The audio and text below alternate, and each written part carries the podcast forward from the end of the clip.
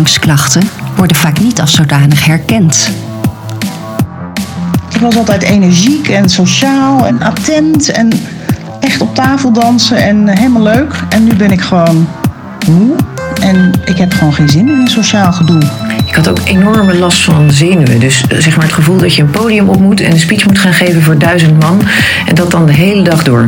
Ik kreeg echt zo'n uh, foggy brain dat ik op, van de ene op de andere dag niet meer kon lezen. Dat wil zeggen, ik kon wel lezen. Ik kon wel uh, gewoon zien wat er stond of zo. Maar ik kon niet focussen. Kramp op mijn borst. Het doet ineens echt zeer. En dan ineens moet ik naar adem snakken. Ik ben Suzanne Rettans en ik wil het hebben over die zoektocht. Over de implicaties voor werk en gezin. En ik wil het hebben over oplossingen, want die zijn er. Welkom bij de podcast We zijn toen niet gek?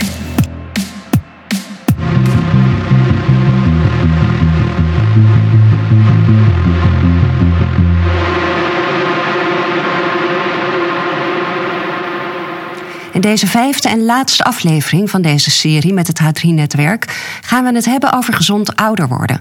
De menopauze, dus je laatste menstruatie, is het startsein dat je lichaam gaat aftakelen.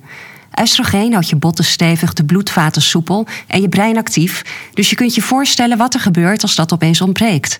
Hormoonsuppletie beschermt tegen botontkalking, hart- en vaatziekten en dementie. Maar dan moet je er wel op tijd mee beginnen. En dan is er gelukkig nog veel meer dat je zelf kunt doen. Ik ga het er vandaag over hebben met psycholoog Nienke Wijnands, die ik de eerste twee afleveringen al sprak, en met de drie deskundigen van het H3-netwerk: gynaecoloog Dorenda van Dijken, cardioloog Janneke Wittekoek en psychiater Sandra Kooi. Ieder op hun eigen vakgebied en elkaars, want zover zijn ze inmiddels wel ingevoerd. Maar eerst Nieke Wijnands, die zich, sinds hij plots werd overvallen door angst en paniekgevoelens, net als ik heeft vastgebeten in het onderwerp en eigenlijk hier in Nederland wil bewerkstelligen wat actrice Davina McCall in Engeland deed met haar documentaire over de overgang en hormoonsuppletie. Een revolutie veroorzaken. Waar ik bekend mee ben geworden is mijn uh, onderzoek naar het zogenaamde dertigersdilemma. Wat de uitdagingen zijn in die levensfase. Dus ik ben een beetje de dertigers-expert geworden. En in de jaren die volgden, inmiddels ben ik zelf 48, um, hebben zoveel mensen mij ook geschreven, gemaild, geappt van wanneer komt dat boek 40ers, 50ers dilemma's nou eens een keer? En ik zag nooit echt een acute aanleiding om dat te maken. Maar inmiddels denk ik, ja, al die vrouwen die met mij 25, 35 waren, die zijn nu allemaal 45 richting de 50. En de urgentie om dit onderwerp bespreekbaar te maken en de link met uh, mentale gezondheid, met je gemoedstoestand en de verrijkende impact daarvan, want dat heeft effect op je relatie met je partner, op je relatie met je kinderen en op je werk, maakt dat ik gewoon dacht, ja, ik duik hier helemaal in en ik ga tot de bodem uitzoeken hoe dit zit. Misschien verlaat ik mijn dertigers wel en ga ik me nu uh, menopausale vrouwen ja. ja, ja, ja want, want je bent ook echt uh, in al die wetenschappelijke uitgaven gedoken, ja, hè? Ja, dat zit dan wel in mij. Ik ben zelf natuurlijk ook academisch geschoold en statistiek is een groot deel van de studiepsychologie. Dus als iemand op Facebook iets roept, dan denk ik, nou, ik ga dat eens even opzoeken. En zolang er geen significant resultaat is te vinden in enige wetenschappelijke studie, geloof ik het niet. Um, maar dat was in deze wel een pre eigenlijk. Want heel snel voor mezelf was ik daardoor op het goede pad en heb ik gevonden wat ik nodig had. Maar daardoor ook ben ik, net als jij, wel een beetje zo'n missionaris voel ik me nu. Dat je gewoon een roeping voelt. Dat je denkt, ja, de mythe dat we dit allemaal al weten, die moet ontkracht worden. Want we weten dit helemaal niet allemaal. We weten misschien van de opvliegers en een paar oude, uh, nou ja, stereotype verhaaltjes over de overgang. Maar wat het echt inhoudt en hoe ontzettend uh, heftig die fysieke en mentale klachten kunnen zijn. En tot hoeveel uitval dat leidt uh, onder vrouwen en ook in de beroepsbevolking dus. Nou ja, dat, dat, daar moet echt uh, veel meer aandacht voor komen. Ja, ja. En jij hebt je ook uh, verdiept in de, in de richtlijnen. Want de richtlijnen voor de huisartsen, die uh, ja, zou je zeggen dat die uh, overal hetzelfde zijn. Want je hebt, ieder land heeft volgens mij een eigen menopause ja. society. Ja. De Dutch Menopause Society, daar is Dorenda van Dijken voorzitter van. wat mij verbaast, op die Facebookgroepen waar wij elkaar ook steeds treffen, die is in België opgezet. Zij vinden onze richtlijnen volkomen achterhaald. Ja, er wordt bijvoorbeeld nog heel erg gehamerd in Nederland op die vijf jaar. Van maximaal maar vijf jaar. Uh, tot een bepaalde uh, 50-plussers. Maximaal maar vijf jaar. Terwijl een heleboel landen om ons heen is dat al losgelaten. Maar ook bijvoorbeeld wat in Nederland... Eh, en ik vraag me af of dat in de officiële richtlijnen staat... maar indicatie om hormoonsuppletie te krijgen is... Opvliegers, nachtzweten of vaginale droogheid. In bijna alle geschreven stukken staat in Nederland nog dat wanneer je bijvoorbeeld typt uh, eh, paniekaanval tijdens overgang is een atypische klacht. Wat betekent een atypische klacht? Dat het kan de overgang zijn, maar het kan ook iets anders zijn. Het is niet bewezen, zeggen ze, terwijl het is wel bewezen. Niet in Nederland misschien, maar het is internationaal bewezen dat de overgang ook allerlei mentale klachten met zich meebrengt. In Nederland staan bij vrijwel alle eh, huisartsen en zelfs ook specialisten eh, die kenmerken psychische klachten nog als atypisch. En dat betekent dat er eerst wordt gekeken, ja, mevrouw, ik denk dat u overspannen bent. Nee, u moet aan de antidepressiva. En als je dan zelf als vrouw gaat doordrammen, terwijl je er, je weet dat niet eens, want wij wisten ook niet eh, wat het was. Ehm, dat je zegt, nee, ik denk toch echt dat het de overgang is. Ja, dan eh, wordt er dus inderdaad inmiddels op dat soort groepen gezegd... benadruk bij je huisarts maar niet je psychische problemen. Zeg maar dat je opvliegers hebt. Ja. Dan denk ik, nou weet je hoe erg het is? Want het lijkt dan alsof wij om harddrugs aan het bedelen zijn. Alsof wij iets willen wat slecht voor ons is. Alsof wij aanstellers zijn. Dus je, Zo je wordt moet, er ook gedaan. Je moet verzwijgen dat je psychische klachten hebt. Want als je daar zit te huilen en te blaren van... eh, ik, ik- ik trek het niet meer, ik ga omvallen... Ik, ik word overspoeld door een golf van paniek... en die gevoelens zijn echt verschrikkelijk... dan eh, word je naar huis gestuurd met een angstremmer of een antidepressivum. Ja. En als je voor die dag je tranen droogt en even een, een angstremmertje neemt... en je gaat er zitten en je zegt... Oh, ik heb zo ontzettend last van, van eh, opvliegers of van nachtzweten... Dan krijg je, en dan krijg je helaas wel in eerste instantie waarschijnlijk Femoston... maar dan krijg je wel hormonen. Nou ja, dat zijn dingen waar ik me echt razend over maak. Razend echt. Ja, ja, ja. Nou, ik hoop ook dat er een soort collectieve verontwaardiging eh, ontstaat, gaat- absoluut. Ja. Als je ziet wat die documentaire in Groot-Brittannië gedaan heeft, eh, is een Britse actrice, presentatrice die zelf ook heel veel last heeft gehad, heeft die documentaire gemaakt. Die is op Channel 4 uitgezonden. Nou, ze zei, er is nog nooit bij een uitzending van Channel 4 zoveel reacties geweest. Dus vrouwen door het hele land zaten op de bank en dachten ofwel, oh mijn god, dit ben ik. Of oh, had ik dit maar eerder geweten. Of huilend, of weet ik wat. Of hadden een partner, of een zus, of een vriendin, of een werknemer, of een werkgever. En ehm, naar aanleiding daarvan is er daar gewoon echt wat veranderd. Dus ehm, zijn de richtlijnen aangepast? Zijn bijvoorbeeld eh, simpele, maar toch belangrijke dingen als een vrouw van menopausale leeftijd zich presenteert met eh, sombere, depressieve of anderszins mentale klachten, is, mag de eerste lijns eh, vorm van behandeling niet langer antidepressiva zijn, maar moet eerst gekeken worden naar eh, hormoonsuppletie. Weet je, dat soort dingen. Ja. En ook in Groot-Brittannië zie je trouwens helaas nog steeds dat in theorie, op papier, is het allemaal bekend. En ook daar komen vrouwen nog bij hun huisarts aan in hun, in hun dorp. En die man die draait met zijn ogen en die denkt, mevrouwtje, waar heeft u het over? Dus neemt u maar de pil of, of, of uh, suck it up, weet je, je moet er doorheen. Ja. Maar ik merkte wel dat qua bewustwording daar heel veel gebeurd is. Dus dat ik denk, nou ja, zo, daar moeten we ook naartoe in Nederland. Iedereen moet dit weten. Ja, ja. Misschien zijn wij daar hetzelfde in. Ik geneer me er ook niet voor. Ik heb aan mijn fijnste opdrachtgevers gewoon verteld ook uh, waar ik last van had. Want ik dacht, ja, als ik toch een keer ga afzeggen of weet ik wat, mm. dan, uh, dan moet het maar. Maar ik ben er open over. En nu ik erover ga praten, zijn er ten eerste een paar mensen die dus tegen mij zeggen... ik gebruik ook hormoonsuppletie van wie ik het echt niet wist. Mm. En die dus... Uh, in het buitenland zaten voor een congres, daar spreker waren en gewoon een dusdanige paniekaanval hadden dat ze zeiden tegen hun partner: Je moet mij uh, komen ophalen. Mm-hmm. Uh, mensen die huilend aan mij vertellen dat ze dusdanige osteoporose hebben op hun zestigste, terwijl ze voor die tijd, ver voor die tijd, al met allerlei klachten bij de huisarts hebben gezeten en niks hebben gekregen. Dus als je zelf degene bent die begint met praten, dan zie je overal in je omgeving, ofwel vrouwen die het al weten en die het dus nemen en die zich dus dood eenzaam voelen, want niemand heeft het erover. En dat ja. is dus wel zo. Dus we kunnen roepen op Twitter en Facebook en weet ik voor waar dat het geen taboe is of dat alles besproken wordt. Het is gewoon ja. niet waar. Ja. Um, of het zijn vrouwen inderdaad die, uh, die er gewoon helemaal nog niks van af wisten. Nee, nee want ik sprak laatst ook een uh, vriendin die uh, is nog een jaar ouder dan ik, één of twee jaar ouder. En die zei, ach nee, die overgang daar hou ik helemaal niet mee bedden. Daar doe ik niet aan. Ja, ja. en ze heeft een migraine-spiraal en, en nooit meer menstruatie gehad. En toen zei ik, oh nee, ze begon zelf. Ze zei van, ja, ik slaap wel echt al jaren heel erg slecht. Ze zei van, ja, vroeger was ik altijd zo daadkrachtig en wilde ik van alles. En het is eigenlijk helemaal verdwenen. Ik vind het allemaal wel prima zo en ik hoef niet meer zo nodig. En ze had ook allerlei vaginale probleempjes, uh, blaasontstekingen. Nou, blaasontsteking had ik ook altijd heel veel last van. Dan kom je vervolgens in een soort, want dan krijg je antibiotica om, eh, om dat Ja, weer tegen te gaan. Nou, dan is het hele vaginale milieu weer van slag. Ja, en, dan, eh, en zo blijf je maar doormodderen. En, eh, en als je dan zegt, niet tegen iedereen, ik weet niet hoe bij deze vriendin is gevallen, maar van, joh, moet jij niet eens een keer, nee, hormonen ga ik echt niet aan beginnen. Of ze zeggen, nee, maar de over, hè, is dat dan denk je de overgang? Ja. Eén van de twee. Ja, nou ja, gelukkig had ik bij haar nu wel een luisterwoord. Toen ik zei dat dat gewoon eh, weg kan. Ik ging weer met, met die oestrogel en je merkt gewoon dat alles. Binnen drie weken had ik inderdaad nagels als staal eh, eh, zo hard. En, en, maar ook het hele vaginale milieu. Het was gewoon weer net alsof je twintig bent. Het heeft op, op zoveel vlakken heeft het invloed. Ja. Is het daarom ook begrijpelijk dat vrouwen het niet weten of het niet herkennen? Want de variëteit aan symptomen, zeg maar, het is zo'n lange lijst. Ik had bijvoorbeeld ook nog hele gekke dingen zoals heel erg schrikken van geluid. Veel erger dan daarvoor. Weet je, dat als er iets, een, een deur dicht viel, dat ik dat echt alsof iemand mijn hart vastgreep en erin kneep heel hard. Dat Ja. En dat ik me dus ook ging storen aan mensen die dingen om mij heen deden. Je, Maar dat was bij mij ook die, die overgevoeligheid. Hè? Ja. Alsof je zenuwen, een, een, een, eh, ja, een beetje gestrest zenuwstelsel. Ja. Volgens mij hebben de meeste vrouwen, krijgen ook pas na een 35ste eh, last van PMS. Mhm. of, of, of veel erger klachten. Nou ja, dat klopt ook, want dat is het moment dat je progesteron begint Ja. af te nemen.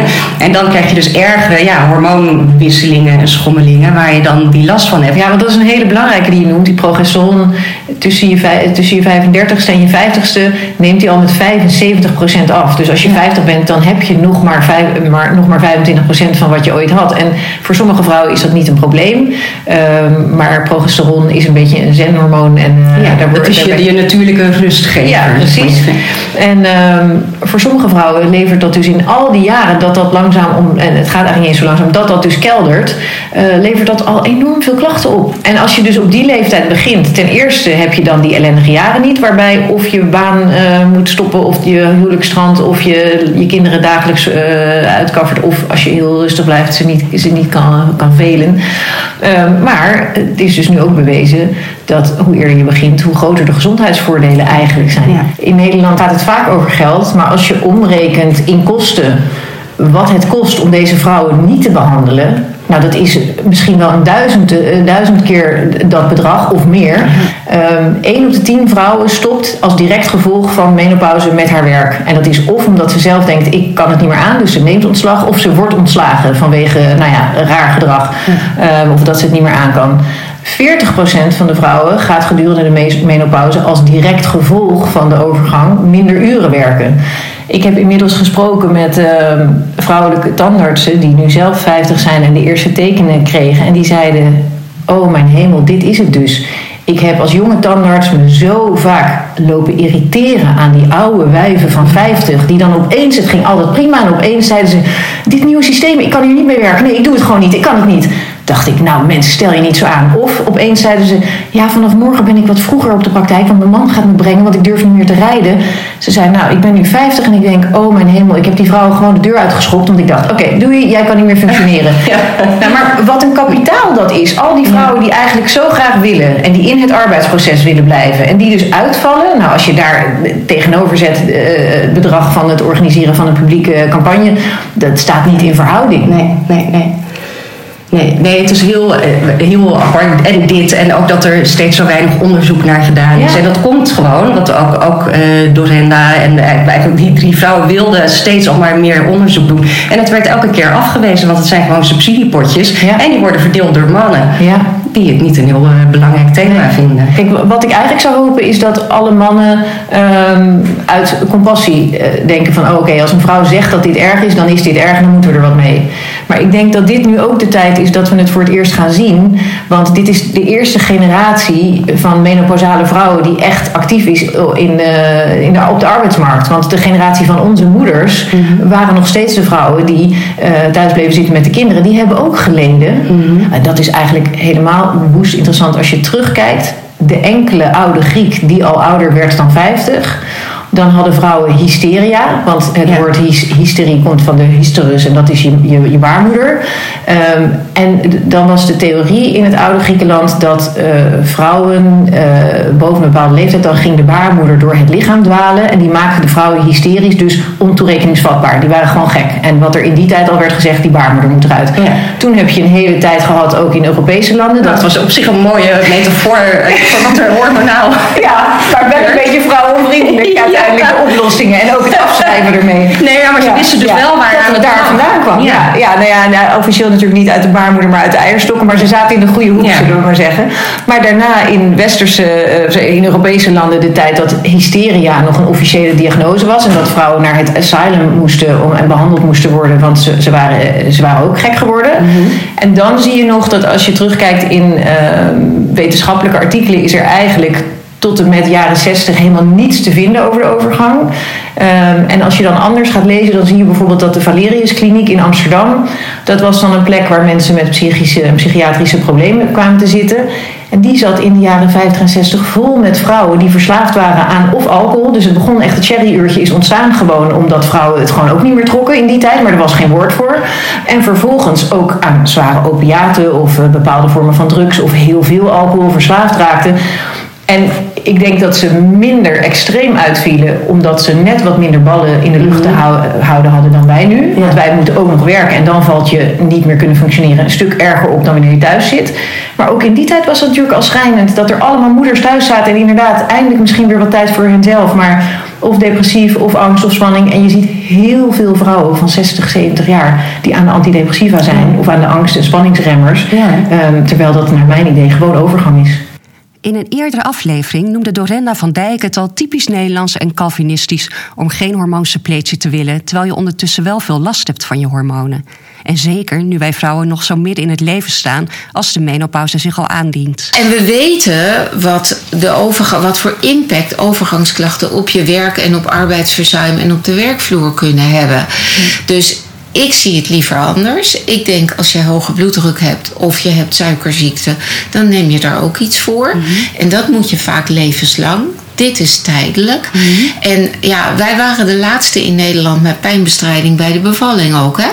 En wij zullen dus ook de laatste zijn in Nederland die de overgang serieus nemen en die daar iets mee gaan doen. Ik zou soms tegen vrouwen willen zeggen: loop eens een dagje mee op mijn poli. Want als wij vrouwen zien zitten die te zeggen van ik heb tien jaar al geleden. Ik wou, en nu mag ik niet meer, want ik ben te laat. Of ik heb, heb- moet mijn weer baan moeten opgeven, want ik had een burn-out. Als ik terugkijk, heeft de, de overgang geeft geen burn-out, maar het speelt zeker een rol. Dat ik denk, er zijn zoveel gemiste kansen.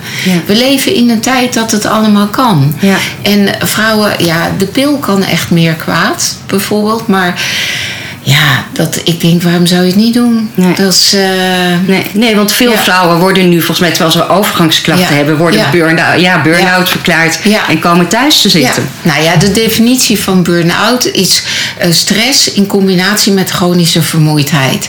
Nou, als jij nachten niet slaapt door je opvliegers, als jij stress hebt omdat je moe bent op je werk en je geheugen en concentratie minder is, ja, dan heb je alle ingrediënten. Dus het een versterkt het ander. Het is niet zwart-wit. Maar ik denk van ja, je, je hebt. eh, ja, het is als vrouwen zelf op een andere manier er doorheen willen. Ik, ik vind het prima. Maar als je er echt last van hebt, er is gewoon hulp voor. En het is allemaal vrouwen, als, ik, als je ziet wat vrouwen. Je hebt ook anti-aging artsen, hè? Als je ziet. Nee, die bestaan echt. ja. En als je ziet wat vrouwen eh, slikken, smeren, eh, eh, waar ze zich mee in laten spuiten, zonder ook maar kritische vragen te stellen hoe gevaarlijk het is, dan denk ik ja. Dus ook kennis en Ja. informatie is niet alleen voor zorgprofessionals, maar ook voor vrouwen zelf. Ja. En dat proberen we nu juist echt te verspreiden. En ja, het liefst zouden we een soort publiekscampagne willen doen, maar ja, dat kost geld. Eh, waarin we dus echt aandacht vragen voor ja, dat dit natuurlijk hoort het bij het leven. Maar het hoort ook bij het leven dat je ongesteld bent. Het hoort ook bij het leven dat je soms zwanger kan worden. En dat betekent dus niet dat als je daar last van hebt, dat je er niks mee moet. Vrouwen die heel heftig ongesteld zijn en leegbloeden, die helpen we toch ook. Ja. Dus waarom, en dit zijn net de drie dingen wat vrouwen onderscheidt van mannen. Ja. En eh, ja, dus als je heel erg last hebt van je overgang, dan moet je er maar mee leven. Ja. Ja, Ja. Ik, ik, ik vind het niet meer van deze tijd. Nee. Nee, en wij lopen niet. in Nederland echt achter de troepen aan hoor. Mhm. Alle landen om ons heen is het en meer bespreekbaar en worden vrouwen beter geholpen, wordt meer hormoontherapie voorgeschreven. En ja, als je vrouwen vraagt van wat doet hormoontherapie voor je? Nou, dat is. eh, er zijn verhalen genoeg. Dat is, eh, en er Ja. zijn ook boeken van bekende Nederlanders. En meestal heeft dat meer effect dan een wetenschappelijke richtlijn. Dat is, eh, is dus dat, dus ik, ik werk altijd overal aan mee. Want ik denk, het gaat niet om mij. Het gaat echt om de boodschap. Want als je weet of wat je eraan kan doen en hoe goed je geholpen kan worden, ja, Ja. dan denk ik, waarom, waarom zou je het laten liggen? Ja, ja. Ja.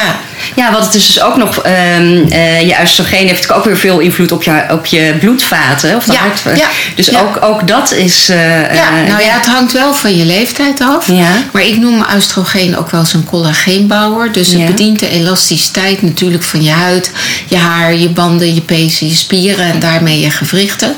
Maar ook eh, eh, van de, de binnenkant van je bloedvaten en van je hartvaatwand, de elasticiteit daarvan. Ja. Dus als jij naarmate je jonger bent, Mhm. eh, kan hormoontherapie ook ja, meer preventief zijn Ja. voor hart en vaten. Dat is nog niet de reden waarom we het in Nederland voorschrijven. Mhm.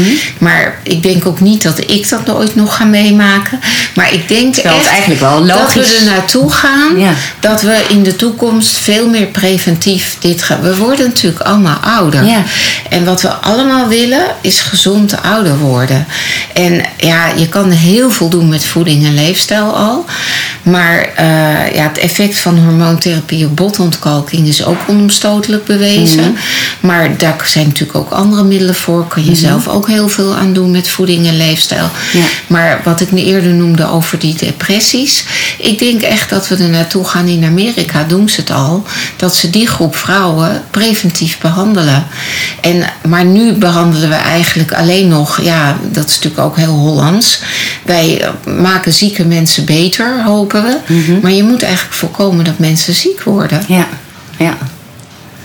Ja. Maar goed, dat is toekomstmuziek. Ik ben al lang blij als we het zover krijgen dat vrouwen met veel klachten goed geholpen worden. Dus we willen niet iedereen medicaliseren, helemaal niet. Maar we willen die kennis uitdragen en die informatie verspreiden. Ja, ja. Dus dat, Maar zijn er ja. dan niet meer? Want je had ook eh, Care for Women, heb je, eh, weet ik. Nee, Care for Women is een heel andere tak van sport. Je hebt verpleegkundige overgangsconsulenten van de VVOC. Mhm. Ja. En dat zijn big geregistreerde verpleegkundigen. En die hebben ook een gedegen opleiding gevolgd en goede kennis. Ja. En die hebben dus ook kennis, ze mogen het niet voorschrijven. Maar ze hebben wel goede kennis over de verschillende vormen van hormoontherapie. Dus die kunnen goed eh, adviseren. Dus ze hebben een medische achtergrond. Ja. En de Ja. VVOC, dat is die... eh, Dat, dat zijn de verpleegkundigen. Verpleegkundigen. Ja, dat zijn, en die, zijn, die hebben dus een medische achtergrond. Ja. En wat je ook ziet is dat de reis nu als paddenstoelen uit de grond. Want het is geen beschermde titel, hè, Mhm. overgangsconsulent. Maar hormoonspecialist is ook geen bekende eh, beschermde titel. Dus Ja.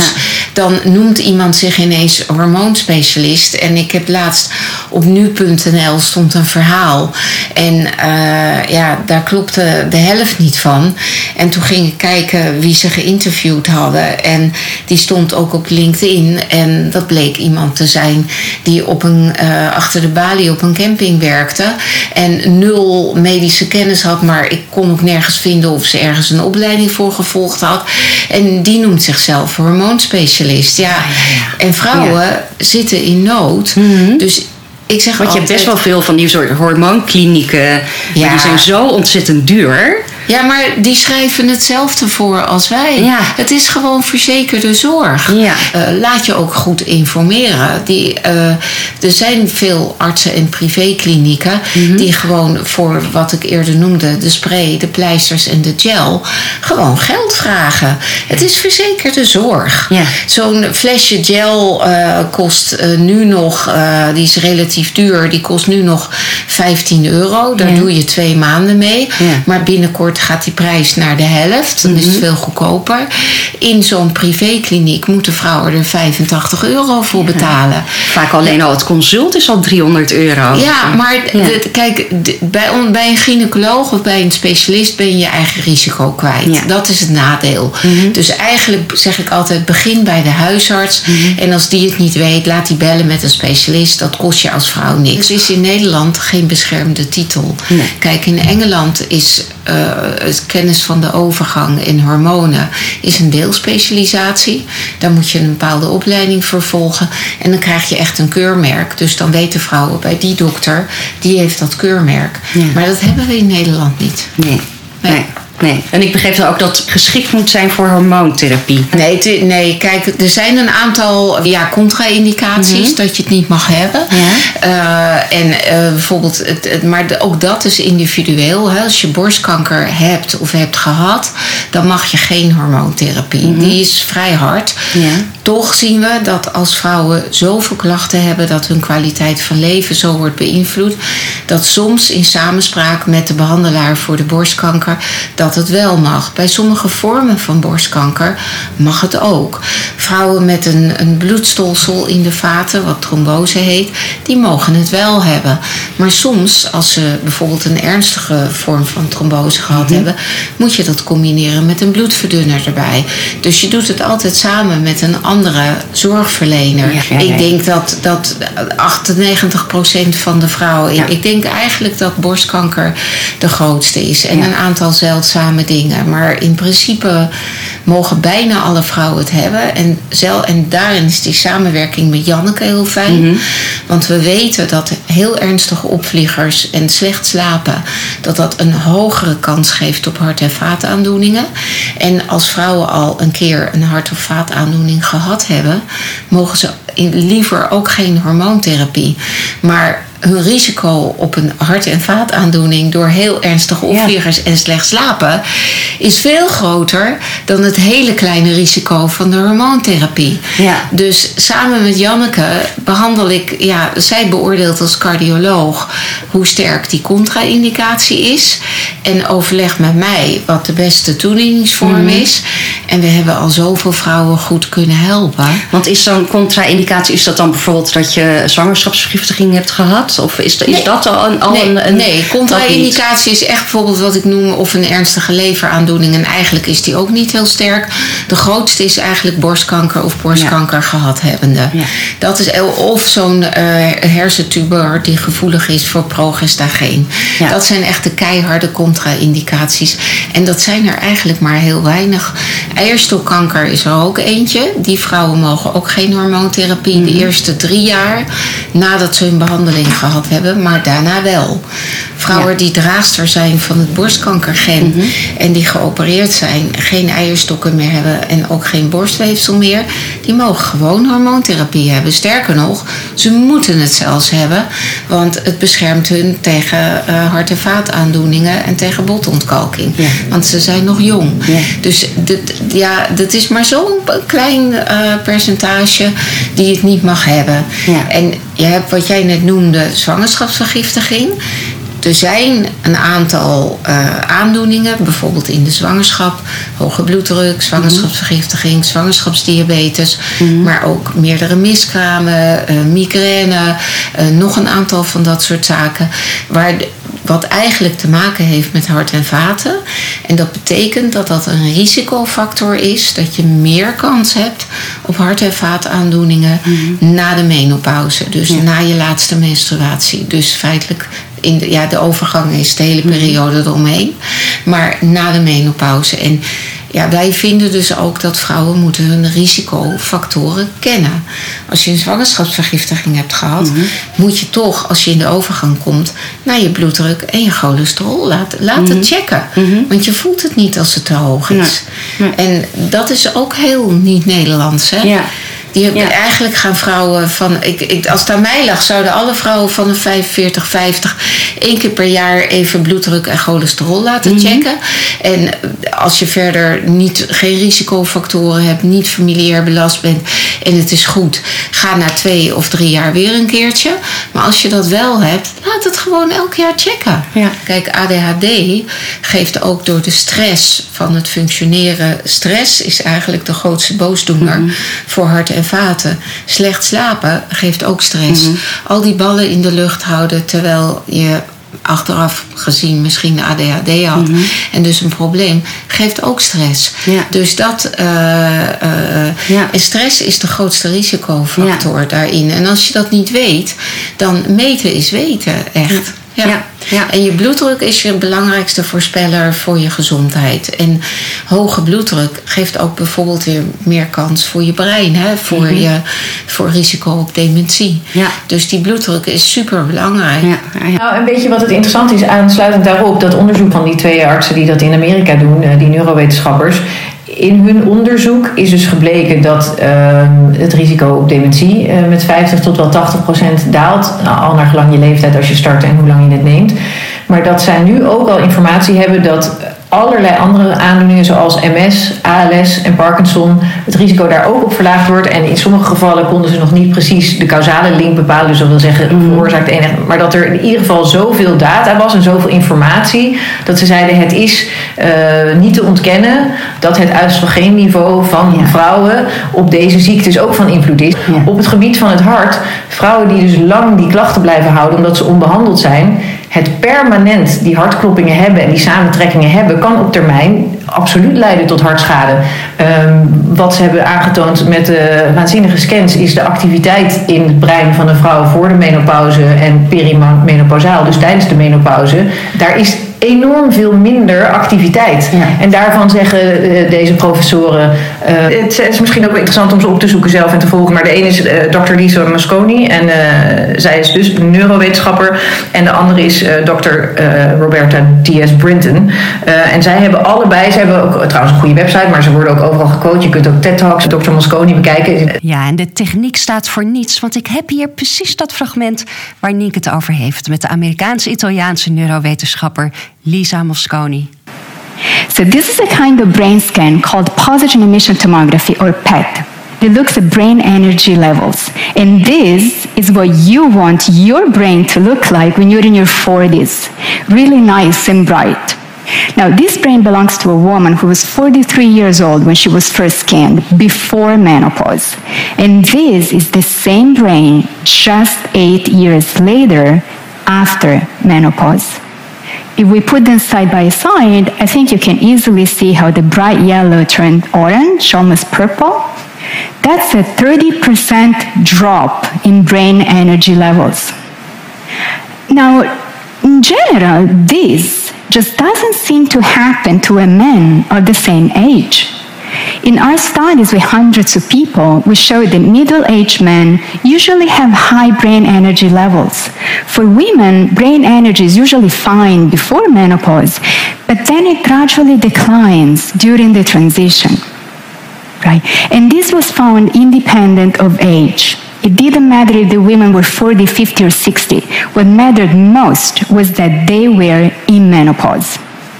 So, of course, we need more research to confirm this, but it looks like women's brains in midlife are more sensitive to hormonal aging than just straight up chronological aging. And this is important information to have because so many women can feel these changes. So many of our patients have said to me that they feel like their mind's playing tricks on them, to put it mildly. So, I really want to validate this because it's real. And so, just to clarify, if this is you, you are not crazy. Thank you. daar is enorm veel minder activiteit. Ja. En daarvan zeggen eh, deze professoren, ehm, je kunt, het, het gaat er dan met name om als je er vroeg bij bent en een vrouw dus door hormoonsuppletie dat actieve brein kunt laten behouden, dan treedt er geen schade op. En bovendien, als je er jong genoeg mee begint en lang genoeg gebruikt, dan bescherm je ook tegen Alzheimer's.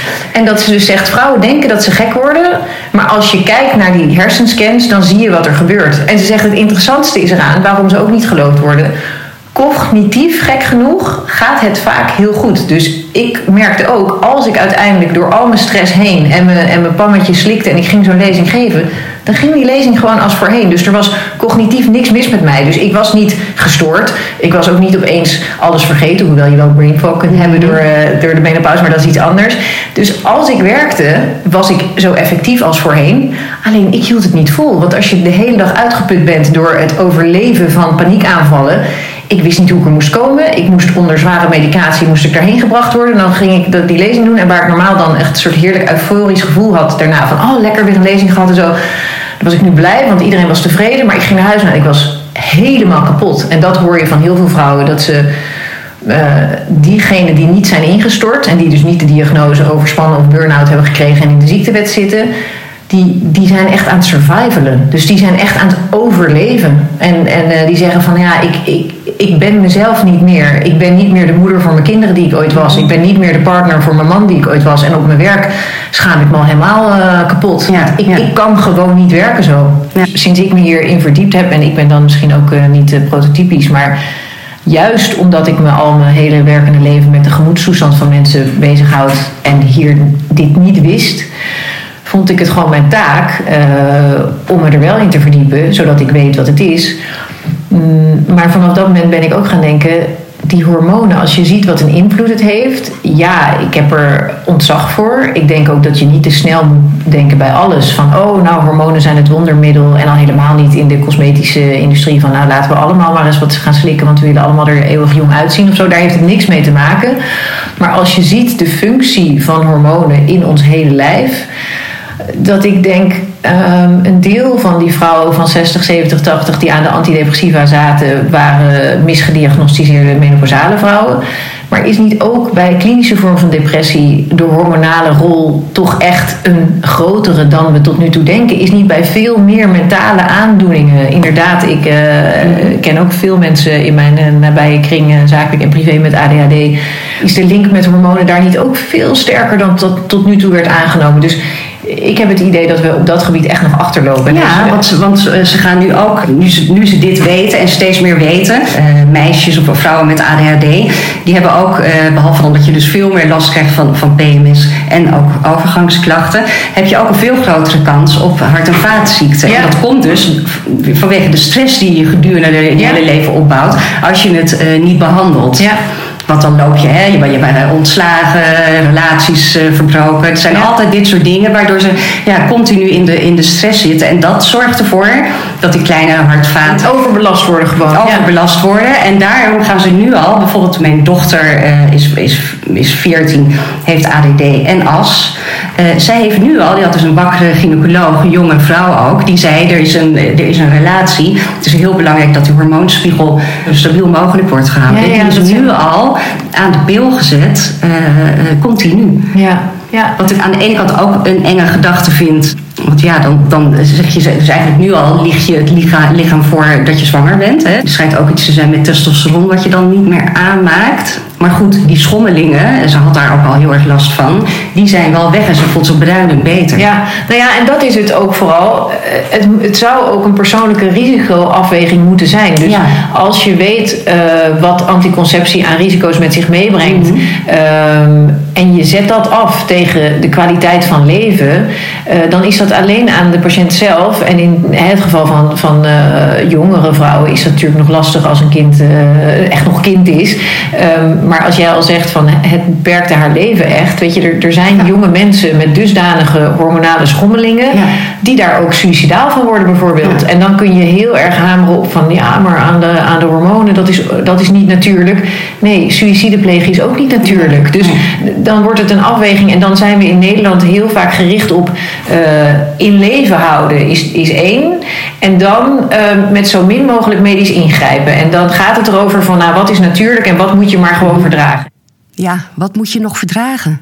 In de derde aflevering over ADHD vertelde Sandra Kooi al hoe belangrijk het is ADHD zo vroeg mogelijk te behandelen, omdat het anders allemaal risico's met zich meebrengt. En dan is er dus ook nog die sterk verhoogde kans op hart- en vaatziekten.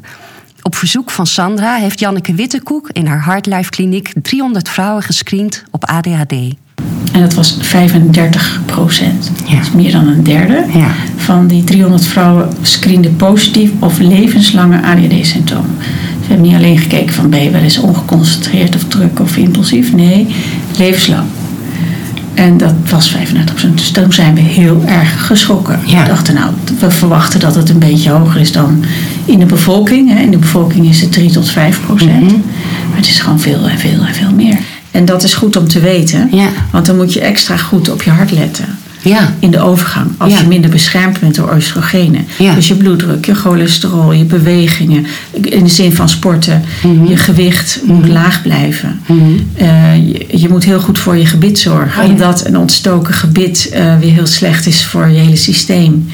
Eh, dus zo zijn er heel veel dingen. En, en je moet een tijdig een gehoorapparaat nemen omdat als je niks meer hoort, dan raak je geïsoleerd. En dan ga je ook eh, ja, vreemde dingen eerder denken. Over wat Ja. mensen over je zeggen bijvoorbeeld. Ja. Nou, dat soort dingen zijn allemaal innovaties.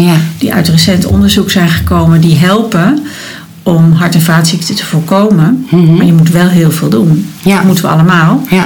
En Maar ook dementie voorkomen heeft heel veel met leefstijl te maken. Mensen met ADD, dus mannen en vrouwen, hebben meer, twee tot drie keer zoveel kans op dementie. ja, ja. Dat komt uit recente onderzoeken. Ja. En dat is zowel Alzheimer als vasculaire dementie als Lewy body disease. En dus zo zijn er een aantal types. Ja. Dus we weten helemaal nog niet eh, hoe we dat kunnen voorkomen. Ja. Omdat er natuurlijk ook verschillende vormen van dementie zijn. Dus er is niet één route naar die dementie. Mhm. We weten wel dat leefstijl wederom zeer belangrijk is. Dus laag gewicht, veel bewegen, Mhm. geen hypertensie, geen hoge bloeddruk. Zorg dat het behandeld wordt. Hypertensie is hoge... Sorry, ja. Ja. Hypertensie is hoge bloeddruk. Mhm. Als je, dat weet je niet, maar die moet je dus laten meten. Anders weet je domweg Nee. niet of je het hebt. En dat neemt niet weg dat je als vrouw met ADD misschien al heel veel risico hebt. Mhm. Het is gezien, dat is zo. Je hebt heel veel meer risico op, op eh, ongeveer alle ziekten. Dat is niet leuk. Dus je moet eigenlijk nog harder werken en Mhm. meer doen om gezond te blijven. Ja. Maar als je dan ook ziet wat, wat zeg maar, de levensloop kan zijn, of de, ge- de, eh, de, de, het grote risico op al die dingen, dan is het dus extra belangrijk om, om dit soort meisjes heel goed te begeleiden en te monitoren. Zeker. Want volgens mij zijn er dan verschillende dingen. Dus je hebt eigenlijk gewoon diezelfde behandeling natuurlijk.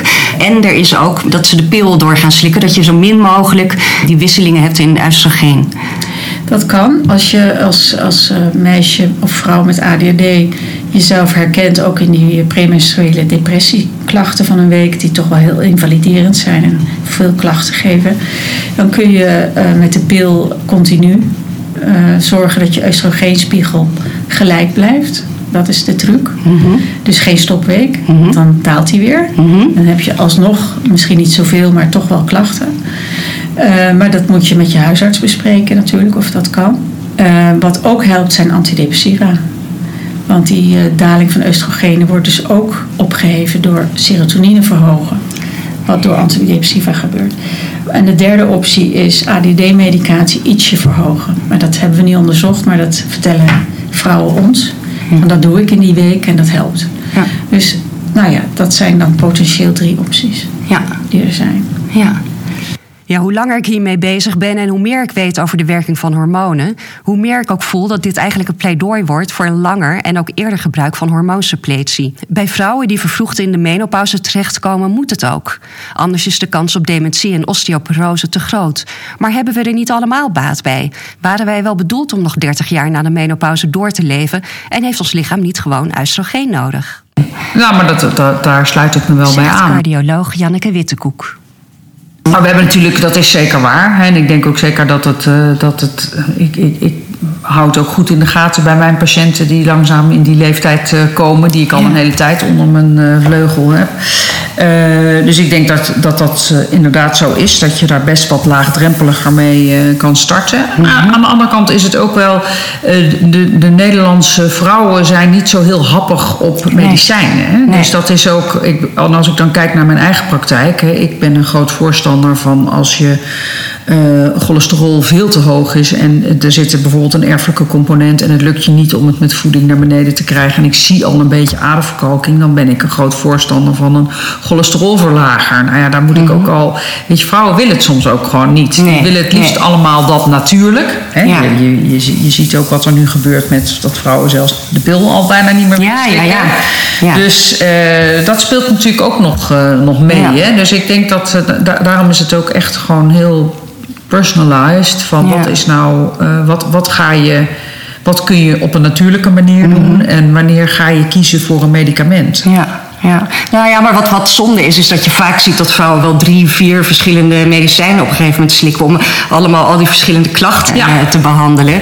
Terwijl het misschien wel al die tijd gewoon maar- hormoonsuppletie. Ik denk dat, dat, eh, dat die awareness, die, die wordt denk ik ook wel, eh, zeker als ik kijk naar het werk van eh, Dorenda, daar wordt ook wel heel veel aandacht aan besteed. En, Ja. en dat is ook, kijk, zo zie, zie ik ze ook in mijn praktijk. Dan, hebben ze een, dan komen ze ook van, is het niet gewoon, weet je, hebben ze een, en een maagzuurremmer en een, Ja. eh, en een beta-blokker en een antidepressivum en allemaal, eh, weet je, vraag ik ook wel eens van, maar was je dan heel erg depressief? Nee, helemaal niet. Weet je. Dus het Ja. wordt best wel snel wordt dat Ja. gewoon gemedicaliseerd. Wat natuurlijk ook niet de eh, bedoeling is. Maar Nee. dat, komt denk ik ook wel voor een deel voor, voort uit die ene vervelende studie Ja, eh, die uit eh, 2002. rondwaart. Ja. eh, waarbij eh, met name vrouwen boven de 60 een hogere kans hadden op, op borstkanker. En dat is natuurlijk een reden geweest waardoor, dat werkt dan heel lang door om Mhm. toch een beetje huiverig te zijn voor die hormonen. En we zijn in Nederland ook een beetje van ja, wat dat betreft ook wel een beetje Spartaans. In andere landen is dat, eh, als je kijkt naar andere landen,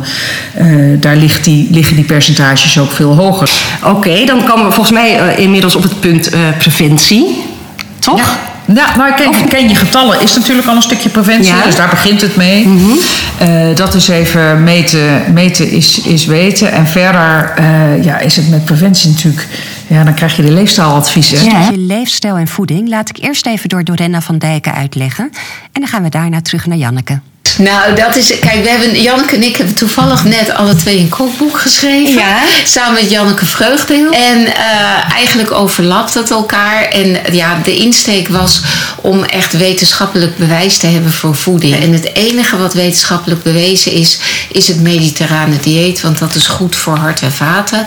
En dat bestaat eigenlijk hoofdzakelijk uit eh, de juiste oliën, vooral olijfolie. eh, veel groenten, veel verse groenten, fruit.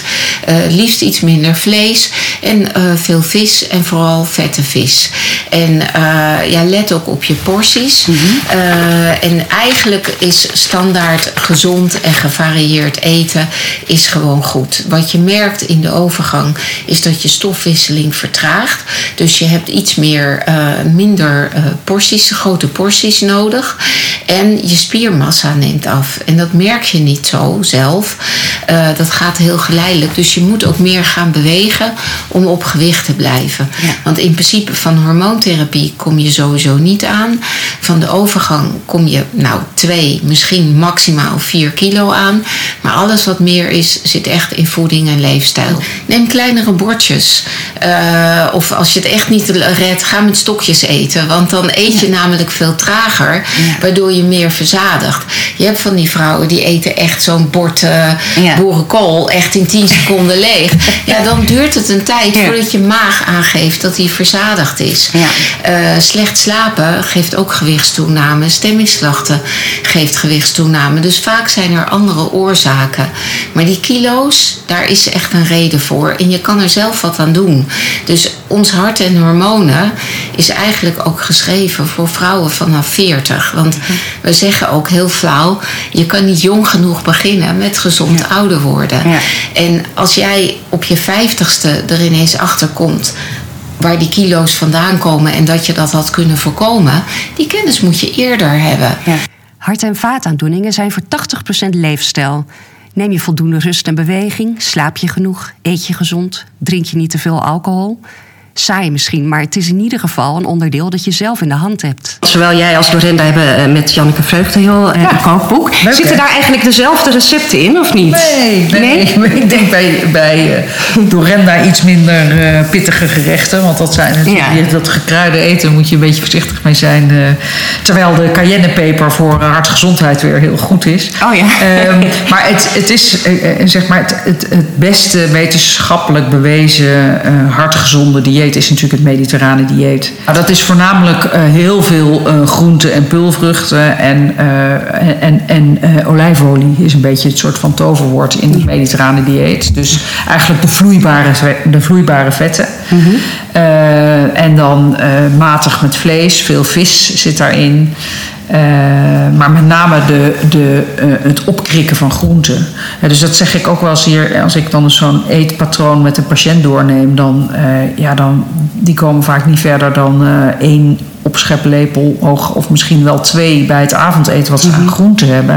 En dat is natuurlijk veel te weinig. Ja. Ja, dus je, de- gelukkig hebben we nu al die, we krijgen steeds meer die snoeptomaatjes en dingetjes, Ja. waardoor je wat makkelijker. eh, Want eh, hoeveel groenten heb je wel nodig dan? nou, zeker. En ik geloof dat mediterrane dieet zegt 250, maar wij zeggen al snel 300. Dan, Mhm. eh, En hoe dat, die, die vezels verzadigen natuurlijk ook, ook goed voor je darmflora. Vezelrijk is heel goed voor, eh, dus alle volkoren varianten. Dus van al dat witte, dat zijn de, de, de, Mhm. de- we hebben het over slechte suikers, slimme suikers. Slimme suikers, slechte suikers.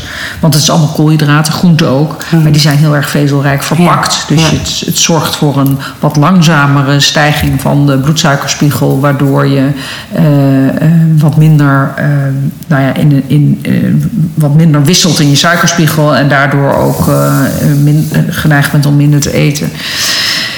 Dus, en dat, die volkoren varianten zijn ook heel goed voor cholesterolverlaging, gunstig voor de bloeddruk.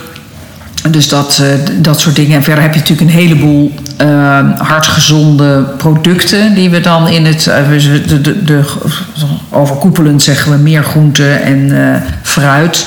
Fruit moet je ook weer niet te veel eten, want daar zit ook weer wat meer suiker in. Maar zeg, ja, ik eet liever dat je toch een keer een banaan te veel eet dan een roze koek.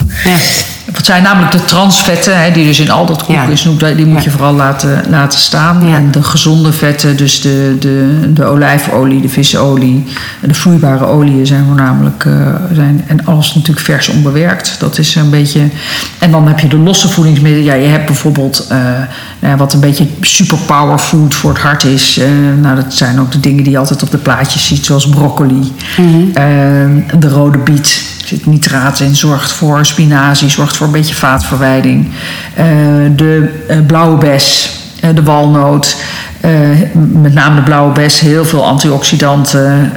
antioxidanten die zorgen ervoor dat ontstekingsprocessen in het lichaam afgeremd worden. Het proces van aderverkalking is vaak een, is een ontstekingsproces, dus dat Je kunt je die ook al heel goed natuurlijk in een smoothie verwerken, Ja. hè, s ochtends. Ja, helemaal goed. Ja. dus lijnzaad, een beetje amandelmelk, dat is mijn eigen start vaak. Eh, Een handje spinazie, eh, blauwe bessen en, en eh, wal- walnoten. Dan heb je een heerlijk ontbijt.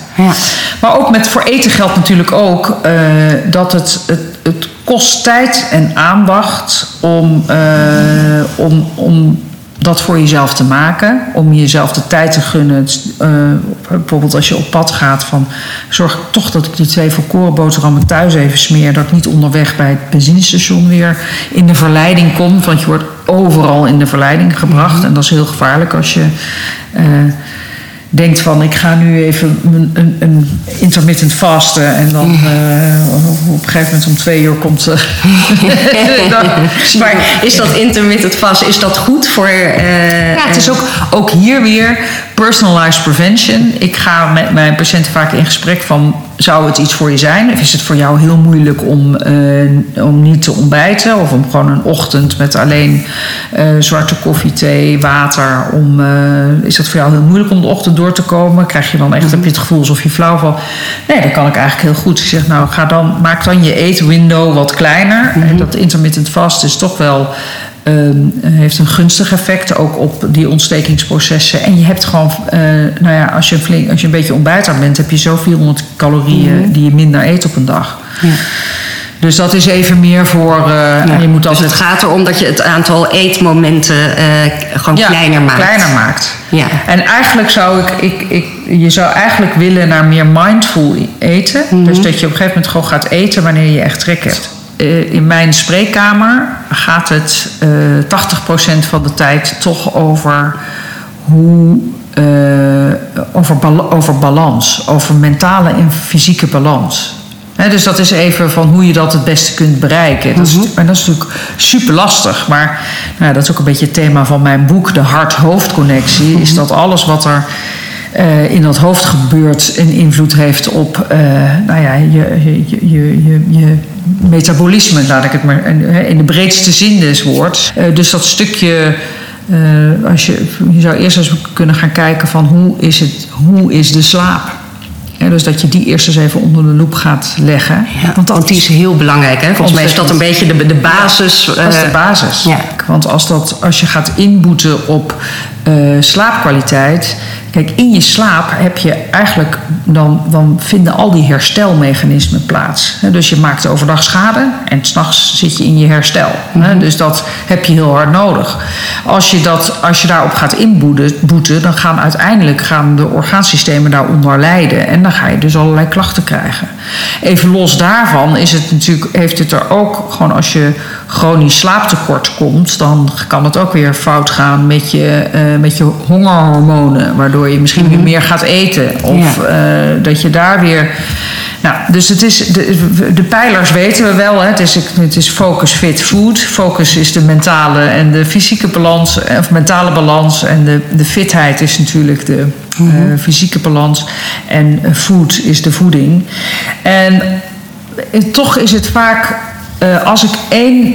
Het alle, als ik één eh, eh, tip kan geven, of wat het allerbelangrijkste is voor heel veel vrouwen, en het verbaast mij soms toch nog dat ze dat soms toch te weinig doen, is ook het stukje beweging. Ja.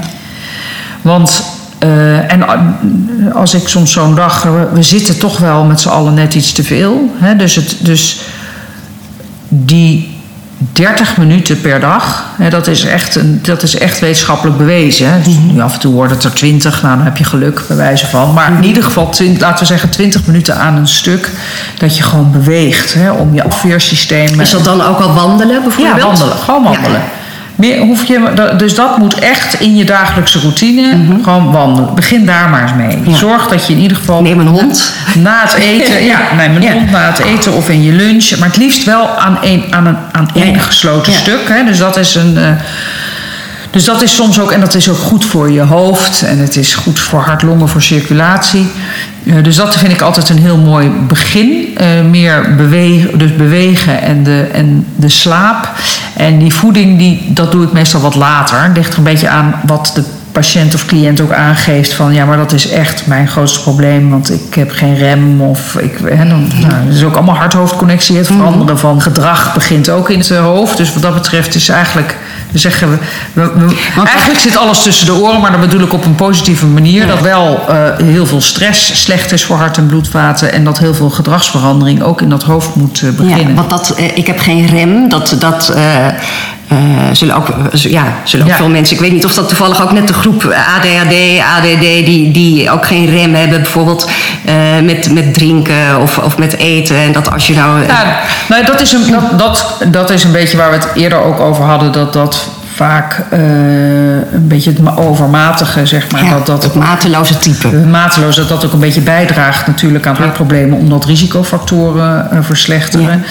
Eh, de vrouwen die bij mij komen met, met de stressinfarcten of de klachten van pijn op de borst die het gevolg zijn van altijd maar aanstaan. Ja. Ja, daar, daar moet je gaan kijken hoe je, hoe je tempo kan verlagen. Hè, en hoe je weer een slaap-waakritme goed gaat krijgen. Hè. Dus Ja. dat is even. en dat, da- ik, ik kan dat tot op zekere hoogte. Maar als het echt een, eh, een eh, serieus gevolg is van de ADHD. of wat er dan ook onderliggend nog is. ja, dan ontkom ik er ook niet aan om dat eh, in samenwerking met de psychiater. te- hoe dat. Daar, daar, dan kom je op een gegeven moment ook op een soort van therapie of Ja. behandeling van het verbeteren van slaap met bijvoorbeeld melatonine, dat soort dingen. Ja. Dus, eh, maar ik denk zeker eh, dat, dat ik weet niet, het, is ook niet alleen, het zijn niet alleen vrouwen die met, met, met ADHD, maar vrouwen hebben sowieso wel, neem, die hebben soms weinig me-time. Weet je, die, gaan, die gaan maar door en die zijn alleen maar dienend. Hè? Dus van eh, alles en iedereen in het gezin moet het goed hebben. En, eh, en, en dan, als zij gelukkig zijn, ben ik het ook. En dat is toch wel vaak een gesprek wat ik in mijn spreekkamer heb: van zet jezelf nou gewoon eens. Wat vind je, nou, dan vraag ik wat vind je zelf nou eigenlijk? Waar word je zelf blij van? Nou, en dan soms beginnen ze gewoon te huilen omdat ze het eigenlijk niet weten. Ja. Weet je, dus, dus dat, dat, dat self-care is healthcare. Ja. dus dus ze, ergens ze raken door van je gaat nu echt even voor jezelf zorgen. Anders kan je helemaal niet voor anderen zorgen als je zo doorgaat. Zit hier niet voor niks bij mij in de spreekkamer met hartklachten. Dus dat, die medische noodzaak heb ik dan mee. Hè, want ik, ik zeg het natuurlijk in allerlei lezingen preventief. Maar als ze in de spreekkamer zitten dan, en, er, en er zijn echt medische problemen, variërend van uh, slaap, bloeddruk, overgewicht, noem het maar op dan. Uh, en, en ik begin te vertellen dat, het, dat, het dat zij nu uh, hun eigen, het heft van hun eigen gezondheid in handen moeten nemen. Dat, dan kan dat stukje empowerment wel helpen. En dan, en dan gaan ze ook wel. Ja. Zeg, je moet niet, je staat nu echt, vaak in de ogen, je staat letterlijk in een soort van transitie, crossroads. En als je doorgaat, gaat het niet goed. Dus wat gaan we veranderen? Nou ja, daar help ik ze mee. Ja. ja. En dat begint dus met gewoon, begin maar eens met nee zeggen. Jij bent degene die je agenda bepaalt. Maak het gewoon. Je zegt gewoon nee, ik heb daar geen tijd. Nee, dan kan ik niet. Dan ben ik, uh, dat, dat is een uurtje dat ik voor mezelf heb. Dus dat, daar komt niemand aan. Ja. Moet toch wel en is het belangrijk om, om, om echt dagelijks dat soort momenten eh, Ja. te creëren? Volmondig, ja, zeker. Ja. Toen ik meer jouw lezingen en zo ging lezen, dacht ik wel, ik ga nu gewoon elke dag ook. Dus ik ga elke dag naar de sportschool. Nou, vroeger zou ik dat niet in mijn hoofd halen om dat overdag te doen. Maar ik vind die ochtend, eigenlijk s ochtends om negen uur, die lessen vind ik, vind ik gewoon fijner. En dan heb ik ook echt nog zin om te gaan. Ik dacht, nee, ik ga dat niet meer zien als zonde van mijn werkdag. Dit is gewoon. Healthy aging. ja, healthy Ja, aging. healthy aging Ja. is dat. Nee, dus dat, hè, wees, wees wat minder Spartaans. En. Maar ik ben er ook wel van overtuigd dat dit ook wel... Dit komt ook niet voor niks vaak op die leeftijd rond de overgang. Ja, dus dat leg ik de vrouwen ook vaak uit. Mhm. Het, het is dus eigenlijk, ik probeer er altijd een beetje een positieve draai aan te geven. Je bent gewoon echt een beetje in transitie. Dus je, je- het is nu jouw tijd. Jij gaat gewoon nu even heel erg bedenken wat voor jou belangrijk is, wat jij leuk vindt. Hè, van eh, je, je tempo verlagen. En Mhm. de wereld vergaat echt niet als jij eh, eh, een keer niet tot één uur s'nachts doorwerkt. Nou ja, en dat lijkt mij nu een mooie voor mij persoonlijk om mee te eindigen. Nou ja, de vraag is ook, wat kunnen vrouwen die nu luisteren ook doen? We moeten, want kijk, als we allemaal onze huisarts nu gaan bellen... Ja, dan zal die huisarts je toch weer met hetzelfde naar huis. Misschien moeten we een petitie starten. De petitie is inmiddels gestart. Hij heet Wij willen onze hormonen terug. En hij is nu al bijna 2200 keer ondertekend. De link naar de petitie staat onderaan bij de show notes. En die ga ik straks aanbieden bij huisartsen en gynaecologenverenigingen. Dit was de laatste aflevering in samenwerking met het H3-netwerk. Maar ik wil zeker doorgaan, want ik wil nog veel meer vrouwen bewust maken. En er zijn ook nog een aantal onderwerpen die ik verder wil onderzoeken. En daar wil ik dan iedere keer één gast voor uitnodigen. Zoals de Vlaamse gynaecoloog Herman de Pieperen, die ontzettend interessant onderzoek doet naar de preventie van dementie. Heb je een bepaald gen waarmee het zeker is dat je dementie gaat ontwikkelen, en dat heeft ongeveer 20% van de bevolking, dan kan het op tijd beginnen met hormoonsuppletie die kans neutraliseren. Maar ik wil het ook hebben over de behandeling van de vroege perimenopauze in combinatie met anticonceptie en het gebruik van testosteron en van lokaal oestrogeen. Nou ja, genoeg te doen. Abonneer je op de podcast, dan krijg je vanzelf weer een verse uitgeserveerd. Dan wil ik graag de dames van het H3-netwerk bedanken voor hun kennis en wijsheid. Dank ook aan mijn saar-collega's Gijsje van Bentem en Maaike Jeuken voor hun herkenbare verhalen. En dank aan psycholoog Nieke Wijnands, met wie ik zeker verder ga werken aan dit onderwerp. En dank ook aan Stefan Fountain, die het sounddesign onder het intro maakte. En natuurlijk dank aan mijn man Hoesien, want het is heus niet altijd eenvoudig om met een menopausale vrouw te leven, die ook nog eens maanden in een hyperfocus verkeert. En dan geef ik tot slot graag het woord nog even aan Sandra Kooi van het H3-netwerk, die een belangrijke mededeling heeft voor andere zorgprofessionals. Want ze kunnen het natuurlijk niet met z'n drieën. Het is de bedoeling dat er door het hele land multidisciplinaire teams ontstaan, zodat wij vrouwen eindelijk eens de zorg gaan krijgen die we verdienen. Dag, dag. Ons doel van, eh, van het hoofd-hart-hormonen-netwerk voor vrouwen met ADHD is om eh, professionals eh, ja, netwerker te maken. Eh, Dat wil zeggen dat ze lid worden van het H3-netwerk.